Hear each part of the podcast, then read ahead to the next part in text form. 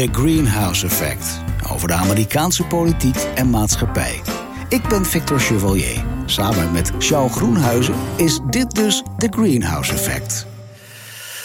Aflevering 46. Trump geeft vele gratie en blokt het coronasteunpakket. Uh, we hebben het in de vorige podcast gehad over de doodstraffen die Trump snel laat uitvoeren. Maar het omgekeerde doet hij ook. Hij verleent op de valreep nog heel wat mensen gratie. Paul Manafort, Roger Stone, maar ook de Nederlander Alex van der Zwan. Gaat Trump ook zijn kinderen, eh, schoonzoon en mogelijk zichzelf gratie verlenen? Trump blijft ons steeds verder verrassen. Hij heeft de goedkeuring van de jaarlijkse defensiebegroting geblokkeerd. En dat is sinds 1961 niet meer gebeurd. De Democraten en Republikeinen in het Amerikaanse congres zijn het eens over een nieuw coronasteunpakket. Maar president Donald Trump weigert zijn handtekening onder dit akkoord te zetten. Uh, we hebben het over Trump, Trump en Trump, Shell. Bijzonder, ja. Ja, het is bijzonder. Kijk, als, als ik mijn eigen nieuws volg en, en mijn computersysteem is redelijk ingesteld op Amerikaans nieuws. Als ik naar Google News ga, dan krijg ik vooral Amerikaans nieuws. Maar dat is zoals ik het heb ingesteld. Maar als ik daar dan vervolgens ga kijken, dan klopt inderdaad jouw beeld uh, wat je oproept. Het is Trump, Trump, Trump. Terwijl we staan op het punt om een nieuwe president te verwelkomen, wat je verder ook van hem vindt die op een aantal punten echt een radicaal andere koers wil inslaan. Uh, met zijn corona-aanpak, uh, met uh, de internationale politiek, met de begroting enzovoort. En daar gaat het inderdaad nauwelijks over. En dat is precies zoals Trump het altijd graag wil. Doe idiote dingen, doe extreme dingen, dan bepaal je en beheers je het nieuws. Mhm. En dan sta ik op de voorpagina en mijn concurrenten niet. Dat heeft hij met Hillary Clinton gedaan. Dat heeft hij met andere zakenconcurrenten gedaan. Dat heeft hij met vrouwen gedaan waar hij van wilde scheiden. Dat heeft hij altijd zo gedaan. Dus het is zeer Trumpiaans wat we nu zien. Maar je opmerking en je observatie klopt wel. Het gaat over Trump, Trump, Trump. Maar ja. 20 januari komt eraan. Ja. De batterij van de presidentiële megafoon begint al voorzichtig te sputteren. Mm ik heb als de vergelijking gemaakt, na 20 januari zullen wij het beeld zien van het trommelende Duracell-konijntje. Tik, tik, tik. En dan is het, ik wil niet zeggen, rond Donald Trump zal het nooit helemaal stil worden. Maar dan zul je een spectaculaire afname zien van de aandacht voor Donald Trump. Want dan is hij gewoon Mr. Donald Trump, de Florida. Uh, maar hij is er op dit moment nog steeds. Uh, ja. Wij, kennen in Nederland kennen we dat hele gratieverhaal toch niet of nauwelijks. Kun je bij, bij ons bij de koning aanvragen dat je gratie wil? Ja, dat, dat ja, wel bij het wel eens in het nieuws is. Ja, uh, er, zijn, er zijn wel procedures en het gebeurt ook wel eens een enkele keer. Maar het heeft toch zelden of nooit een hele sterke politieke connotatie. En dat heeft het in Amerika, ook bij andere presidenten, waar we kunnen het zo meteen over hebben eh, heeft het dat uitdrukkelijk wel. Maar het komt ook een beetje voort nu uit de positie van een president als opperbevelhebber. is echt wel de leider van het land. Terwijl in Nederland, we hebben natuurlijk een tamelijk machteloze koning. Niks ten nadele van Alex, maar ja, dat is die. Eh, zo is het een keer geregeld in onze grondwet. En onze premier zit daar bij de gratie van goedkeuring van de Tweede Kamer. Dus mhm. een pardon verlenen aan allerlei uh, malle misdadigers uh, past in ons systeem niet. En daar moeten we volgens mij ook heel erg blij mee zijn.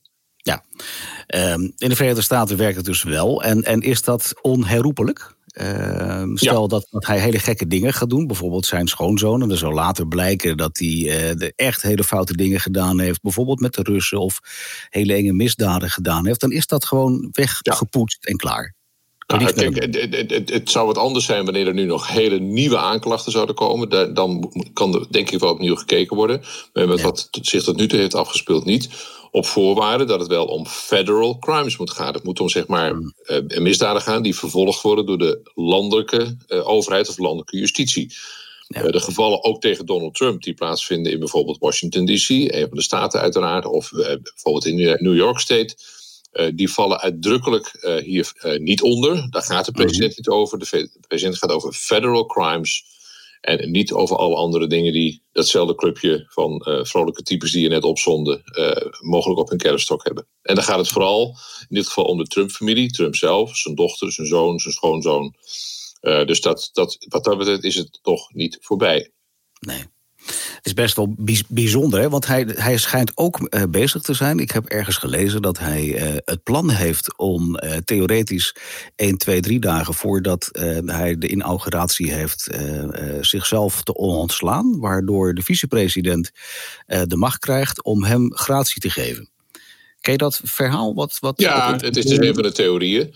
Ja. gekoppeld aan, aan de theorie dat hij dan dus afreist naar Florida.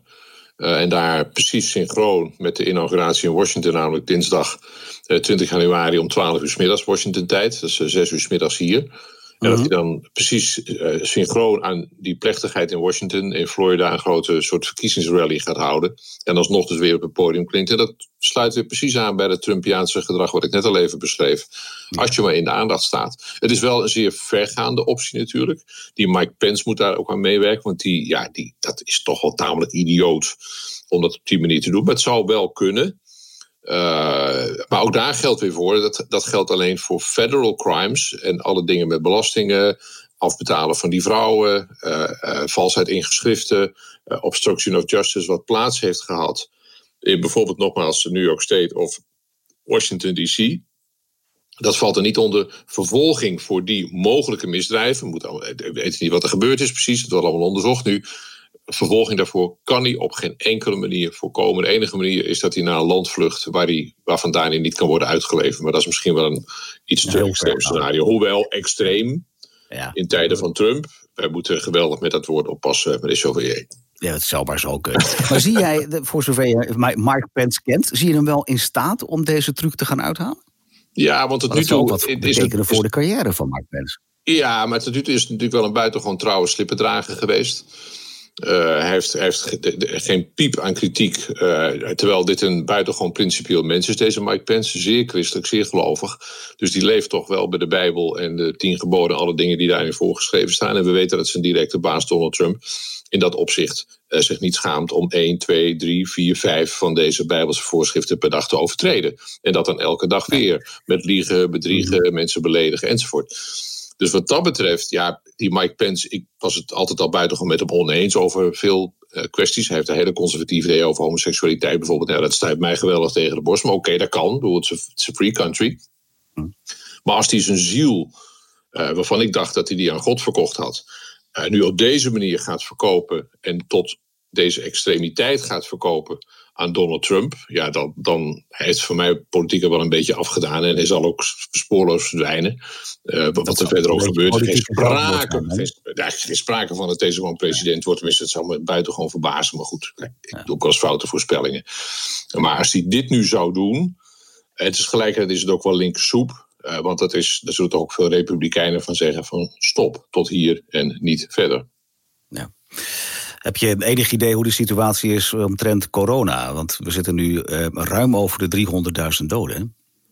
Ja, dat, dat blijft doorgaan. Uh, en het, de hoop is natuurlijk, net als hier in Nederland overigens, uh, gevestigd natuurlijk op het vaccin. Waarbij we altijd wel een klein beetje op moeten passen met de Amerikanen heel erg de maat te nemen. Want als je puur naar het aantal besmettingen kijkt per 100.000 inwoners bijvoorbeeld, dan doet Nederland het ook buitengewoon slecht. We doen het alleen wat beter. Klinkt een beetje raar in dit verband. Als je kijkt naar het aantal coronadoden, dan zitten wij lager. Nogmaals gerekend per 100.000, want de Amerikanen is een veel grotere bevolking. Maar dat, mhm. dat meerekenend doen we het op dat vlak doen we het wel ietsje beter. Uh, maar het, ook op dat vlak geldt, uh, Trump bemoeit zich op dit moment helemaal nergens mee. Behalve dat hij af en toe dus een veto uitgooit. Je memoreerde het net al, de defensiebegroting. Dat is core business voor republikeinen. Daar hebben ze overeenstemming over bereikt. En met één grote zwiep veegt hij het van tafel. 900 miljard aan steun voor individuele Amerikanen, arme mensen, voor bedrijven enzovoort. 900 miljard waren ze het over eens. Opvallend dat ze het daarover eens ja. worden zijn. Een hoop gedoe tussen Republikeinen en Democraten. Ja, precies. Er zijn nogal wat mensen op Capitol Hill zeg maar, in het congres die zeggen: ja, nou, dit is, moet toch wel de manier zijn met alle tegenstellingen die er zijn, waarin we nu in de toekomst moeten, met elkaar moeten omgaan, praten, mm. kijken of we het er ergens over eens kunnen worden. En met een hele grote zwiep veegt Donald Trump dit van tafel. En, maar dat zijn stuk voor stuk zijn het elke keer weer handelingen van Trump waarvan je denkt van, what is he thinking? Want ook op die pardons waar we het net even over hadden, dat is dus op zich een gebruikelijke procedure. Dat hebben vorige presidenten ook gedaan. Maar het is niet eerder voorgekomen dat een president zo systematisch mensen gratie verleende die persoonlijk voor hem waarschijnlijk, dat weten we niet, en dat zullen we nu ook nooit weten voor een groot deel omdat ze gratie krijgen, dingen gedaan hebben mhm. die het stoepje van Donald Trump hebben schoongeveegd. Ten aanzien van de Russen, ten aanzien van omkoping van die vrouwen, belastingen enzovoort. In het verleden Er zijn interessante gevallen. Bijvoorbeeld iemand als Jimmy Carter, de goede Carter, ver in de negentig intussen, en principieel ook een zeer christelijk mens, heeft destijds gratie verleend aan een hele grote groep Vietnam-deserteurs, zoals het heette. Amerikaanse jonge jongens die moesten naar Vietnam, hadden ze geen zin in en vluchten naar Canada. En die hebben toen gratie gekregen van Carter. Een vergelijkbare kwestie is geweest onder Barack Obama. Ik noem even expres twee democraten om aan te geven dat zij dat ook gedaan hebben. Obama heeft bijvoorbeeld een groot aantal gevangenen die vast, vastzaten op lichtere drugsvergrijpen, misdrijven. Mhm. Daar kun je voor in de gevangenis komen in Amerika, zoals je weet. En die heeft ze gratie verleend. Maar het waren dus geen gevallen, Victor, waarbij degenen die gratie kregen persoonlijke diensten hadden verleend nee. in de criminele sfeer ten behoeve van toen de goede Jimmy Carter of later Barack Obama. Bill Clinton heeft wel eens een keer dat soort dingen gedaan, maar ook op veel kleinere schaal. Wat er nu gebeurt, alle mensen die daar echt verstand van hebben, die zeggen: It's unprecedented. Dit hebben we nooit eerder meegemaakt. We hebben het ook nooit eerder meegemaakt dat een president in zo'n late fase bijvoorbeeld zo'n hulppakket van 900 miljard, van even vloep weg. Hij heeft zich met de onderhandelingen al die maanden niet bemoeid. Hij zei, nou, rotzooi maar net weg. Hij zag natuurlijk ook aankomen wat er gebeurde. En uh, las natuurlijk ook of zijn medewerkers wat erin kwam te staan. En op het moment dat het op zijn bureau landt, zegt hij van, ik vind niks. Ik vind allemaal onzin. Waarmee hij ook dus een aantal partijgenoten, republikeinen, echt nogal in hun, sorry als ik het zeg, in hun politieke ballen trapt. Ja, ja, ja, ja, nou, maar dat betekent dat hij natuurlijk ook binnen de Republikeinse Partij eh, bijna geen grond meer onder zijn voeten krijgt zodra we januari voorbij zijn, lijkt mij. Ja, dat, dat is ook precies mijn, mijn, mijn Duracell-voorspelling. Het ziet er allemaal heel flink uit zolang je flink staat te trommelen. Maar vroeg of laat uh, houdt het trommelen op en dat zie je er heel langzaam vertragen. Uh, en dat zie je nu inderdaad uh, langzamerhand gebeuren. Veel Republikeinen ook in het congres over, over zo'n defensiebegroting. Die zijn echt pislink hierover. Ze zijn helemaal gek geworden. Ja. En die zijn bang straks ook voor de electorale gevolgen. 2022 lijkt ver weg, congresverkiezingen. Maar het is niet mm. zo ver weg. En in januari, nu dat weet jij, 5 januari, hebben we nog die fameuze dubbele senaatsrace in Georgia. Die bepaalt wie er straks de baas wordt in de Senaat. Dus het is heel hoog spel wat Trump hier speelt. Wel heel Trumpiaans, maar bloedje link vanuit zijn perspectief en van de Republikeinen. Heb jij eh, de laatste periode nog iets gehoord van de echte uh, orthodoxe achterban, laat ik het zo maar noemen, van Donald Trump? Of, of, of daar nog beweging in zit? Steunen die, die, die, Ja, maar die kunnen ook niet anders. Uh, want op het moment dat zij zeggen van ja, we, we laten Trump schieten. Uh, en dus eigenlijk laten we de Republikeinse partij schieten. Want die partij heeft in de afgelopen vier jaar niet van naar buiten toe uh, vrijwel unaniem gesteund. Er komen nu barsten in weliswaar. Maar nee, die evangelicals, wat ik net maar dat je daar voor een deel ook op duidt. Uh, ja, die, die zitten een beetje op hun handen af te wachten wat er, wat er verder gebeurt. En die, there's nowhere to go. Die hm. hebben over jezelf aan de duivel verkopen. Dat hebben ze eigenlijk 30, 40 jaar geleden al gedaan. Door tegen de Republikeinen te zeggen: als jullie er nou voor zorgen dat het homohuwelijk niet komt. En dat de doodstraf blijft. En dat abortus uh, uh, gewoon radicaal verboden wordt. Zeg maar die hele moral agenda. Ja. Als jullie dat nou even voor ons regelen in de komende 10, 20, 30 jaar, dan zullen wij jullie steunen in de rest. Nou, is, Trump is daar het extreme voorbeeld van. Zelf hartstikke voor abortus lange tijd, tot hij het kon gebruiken dat hij tegen was. En heeft vervolgens die evangelicals met onder andere zijn abortusstandpunt aan de, aan de borst gedrukt, zeg maar. Maar die evangelicals, die hoor je nu nauwelijks, die denken van, nou, niet holy shit, maar en ook niet nee, geen van beide kanten, Charles. Dit, dit verband. Potjan Dickie, wat gaat ons nu overkomen? Die raken straks de man kwijt waarvan ze zeggen: met Ronald Reagan is Donald Trump onze grote roerganger die ervoor zorgt dat het conservatieve gedachtegoed in Amerika overeind blijft en eigenlijk dat we gewoon gezellig teruggaan naar de periode van, ik heb het vaker genoemd, Archie Bunker, uh, ver in de vorige eeuw. En omdat dat nu dreigt te mislukken, en ze eigenlijk ook geen argumenten hebben om dat anders te beargumenteren, zijn ze, in mijn waarneming in ieder geval, doodstil. Misschien zitten ze te bidden. Nou, dat, eh, dat gun ik ze van harte in ieder geval. Ehm, maar zijn er naar jouw idee al mensen binnen de Republikeinse Partij die als potentiële vervanger van Trump naar voren geschoven worden? Zoomen er al wat namen rond? Jawel, een aantal senatoren en zo die zeggen, maar dat, dat, dat, is ontzettend vroeg. Ik, ik heb steeds, maar ik heb volgens mij haar naam eerder ook hier wel genoemd, dus Nikki Haley, voormalig gouverneur van eh, South Carolina, een eh, tijdje ook in, eh, voor Trump in de Verenigde Naties gezeten. Iemand waarvan mhm. mensen zich afvragen, Nikki, waarom spreek je niet wat duidelijker uit? Zelf ook, zeg maar, ik zeg even simpel, van allochtone afkomst. Dus dat, dat zou heel interessant kunnen zijn om haar als conservatieve kandidaat in 2000 24 naar voren te schuiven. Ja. Een aantal senatoren zie, zie je zich wel een beetje warm lopen. Maar we moeten eerst door, door het Trump-dal heen en door de Trump-kater. en, dat zal, en, en wat dan daaruit, uit dat krachtenspel, en dat wordt echt een buitengewoon boeiend schouwspel Volgens mij is er ook volle reden voor ons om ook na 20 januari deze podcast af en toe eh, ook weer fijn op te gaan nemen. Want dat wordt een heel boeiend schouwspel. Hoe die partij, die nu echt zo meteen aan stukken ligt, of eigenlijk al aan stukken ligt op uh, as we speak. Ja, ja, over die onderdelen die we net noemden. Hij is A, is hij al weg. En B, trekt dat dus een geweldig machtsvacuum binnen die conservatieve republikeinse beweging. En in dat vacuüm, die noemde het die, die, die evangelicals, ja, die vinden dat vreselijk. Trump vulde dat en die zorgde altijd, kwam ook naar hun conferenties toe en riep dan hele strenge dingen over abortus enzovoort. Dat was fantastisch. Dat valt zometeen allemaal weg. Ja. En je houdt een, ik wil niet zeggen een linker en een rechtervleugel, maar wel een, een fanate pro-Trump uh, vleugel en een even fanate pro-Republikeinse partij. Een, het, het, traditionele, veel meer gematigde, veel meer rationele, uh, politieke uh, conservatisme, waar die partij al die jaren groot in geworden is. En waar ze ook hartstikke goed in waren, of je nou met ze eens bent of niet. Want dan heeft de partij volstrekt aan stukken gescheurd. Durf jij een procentuele verdeling te maken? Wat, wat, wat ook eh, na januari nog steeds Trump-aanhangers zullen zijn. En welke mensen echt afscheid van Trump zouden willen nemen. Want vergeet ja. er zijn natuurlijk, wat waren het? 230, 240 miljoen mensen die op Trump gestemd hebben een aantal maanden geleden. Nee, nee, nee zoveel waren er niet. Maar het, het, het is uh, iets van 75 miljoen. Uh, maar nee, ruim 80 cent er uiteindelijk geworden. Maar goed, Biden had 10 meer.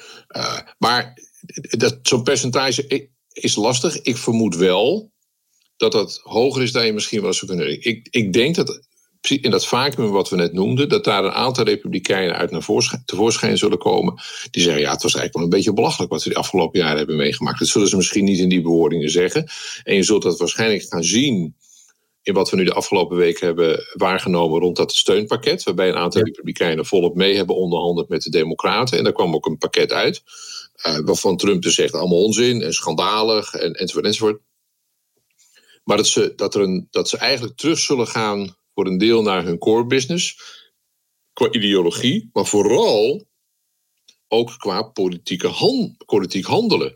Want ook in Washington is het toch uiteindelijk ook bij een verdeeld congres, wat we de afgelopen jaren ook gezien hebben, hè, met een democratisch huis van mhm. afgevaardigden, Republikeinse Senaat, ja, toch een soort poldermodel waar je naar elkaar kijkt en zeggen, of een soort Brexit-onderhandeling. Je kijkt naar elkaar en zegt, hoe kunnen wij het hier eens worden?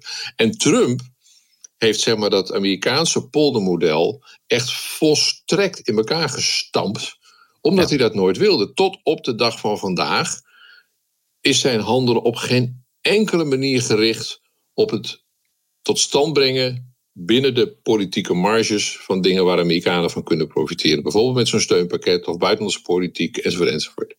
En dat, dat, gaat, dat gaat hem lelijk opbreken.